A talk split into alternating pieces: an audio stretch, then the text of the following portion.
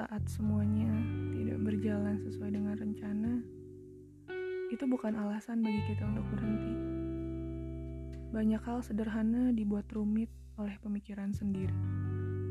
Hingga pesimis ia dibuatnya. Begitulah kira-kira ungkapan yang kutemukan dalam sebuah buku. Sebagian orang beranggapan kayaknya tugas ini terlalu berat deh. Gak mungkin bisa menyelesaikannya.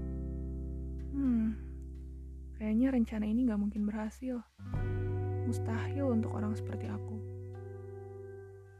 Duh, jangan sampai menutup mata terhadap berbagai kemungkinan. Padahal ada banyak orang di luar sana yang menikmati prosesnya. Bersemangat menjemput solusi, cari akar masalahnya, dan Allah akan menuntun ia menemukan jalan keluarnya.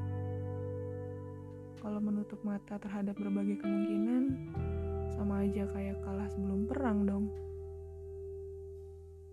Coba deh pakai rumus what if.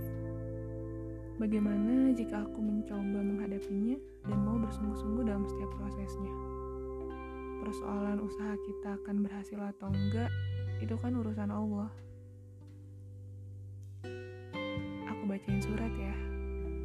Dan milik Allah meliputi rahasia langit dan bumi, dan kepadanya segala urusan dikembalikan. Maka sembahlah dia dan bertawakallah kepadanya.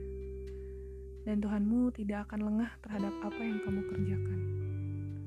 Quran Surat 11 ayat 123